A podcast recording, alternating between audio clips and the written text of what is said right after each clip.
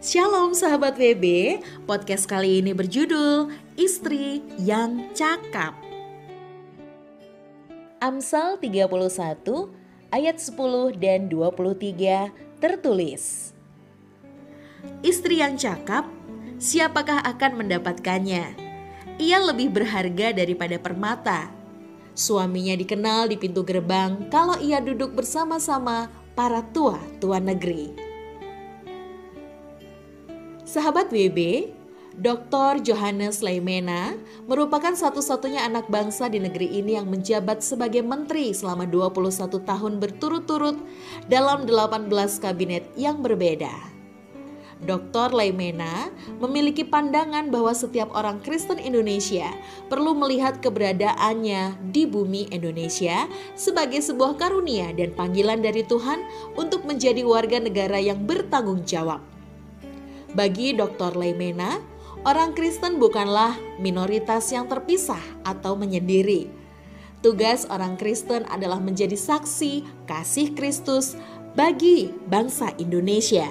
Sahabat WB, dalam perjuangannya membangun negeri, Dr. Lemena senantiasa didampingi oleh pasangan hidupnya, yaitu Cici Wiarsih Lemena Prawira Dilaga. Cici Wiarsih berasal dari kalangan bangsawan Priangan Timur. Ia merupakan putri bungsu Pangeran Sumedang, yaitu Pangeran Sugi Surya Kusuma Adinata. Mereka bertemu di Rumah Sakit Immanuel Bandung ketika Cici bekerja sebagai kepala asrama putri.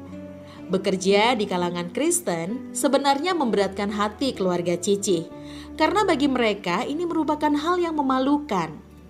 Namun, suasana kekristenan di kalangan staf Rumah Sakit Immanuel itulah yang mempengaruhi keputusan Cici muda kala itu. Kebaktian yang diselenggarakan setiap pagi hari dan setiap Sabtu sangat berkesan di hatinya.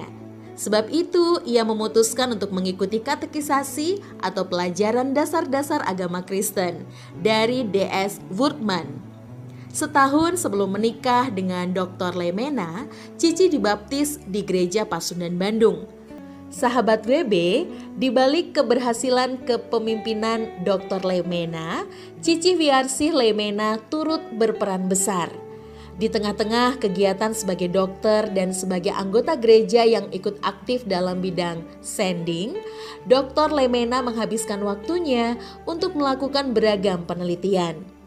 Objek penelitian yang dipilihnya adalah penyakit liver dan penyakit-penyakit yang menyerang hati. Di rumah sakit, ia melakukan penelitian dan percobaan-percobaan. Sedangkan di rumah, ia membaca hasil-hasil penelitian sarjana-sarjana lain tentang penyakit yang sejenis.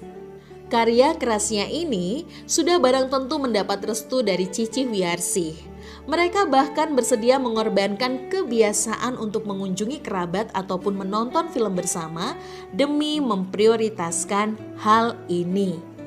Akhirnya, disertasi yang berjudul Leverfungsti Proeven Beats in Hamchi diuji pada tanggal 17 November 1939 oleh Gene Kundige Hogen School dan mendapatkan apresiasi yang memuaskan.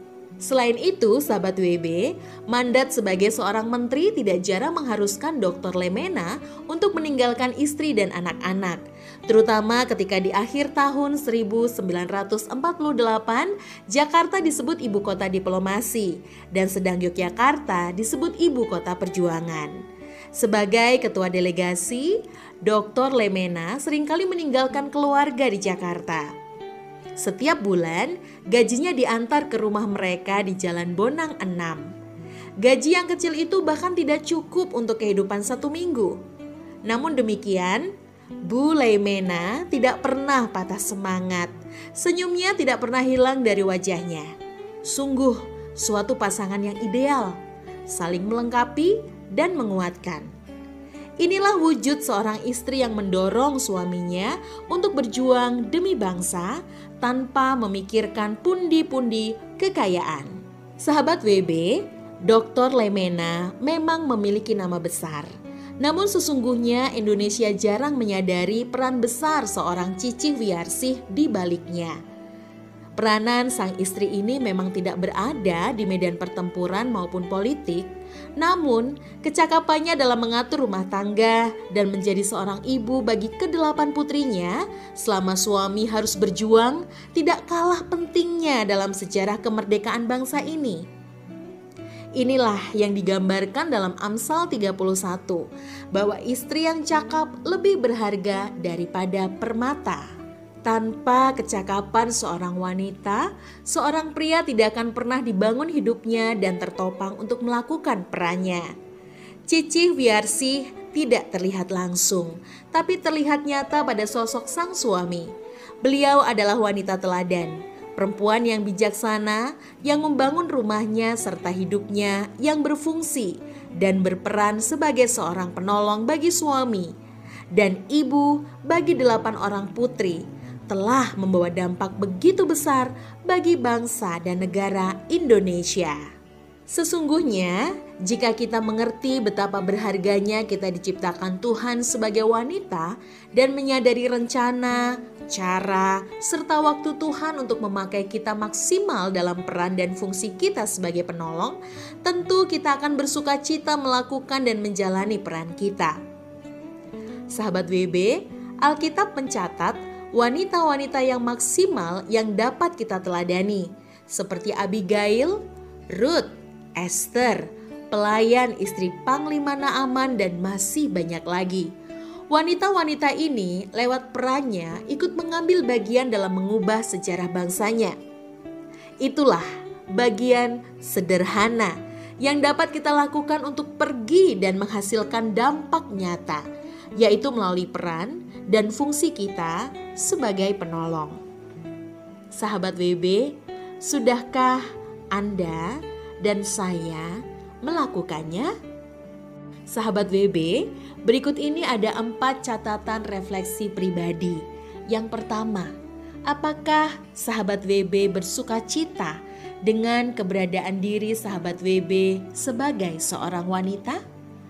Refleksi pribadi yang kedua, Pernahkah sahabat WB merasa bahwa apa yang sehari-hari sahabat WB lakukan seakan sia-sia? Lalu yang ketiga, berapa sering sahabat WB mengalami pertolongan Tuhan dalam menjalankan fungsi dan peran sahabat WB sehari-hari? Dan refleksi pribadi yang keempat atau yang terakhir, sadari dan lihatlah betapa setiap hari adalah anugerah dan kesempatan untuk kita dapat pergi dan menceritakan tentang Tuhan lewat hidup sehari-hari. Demikianlah podcast edisi kali ini. Terima kasih sudah mendengarkan. Sampai jumpa, dan Tuhan Yesus memberkati.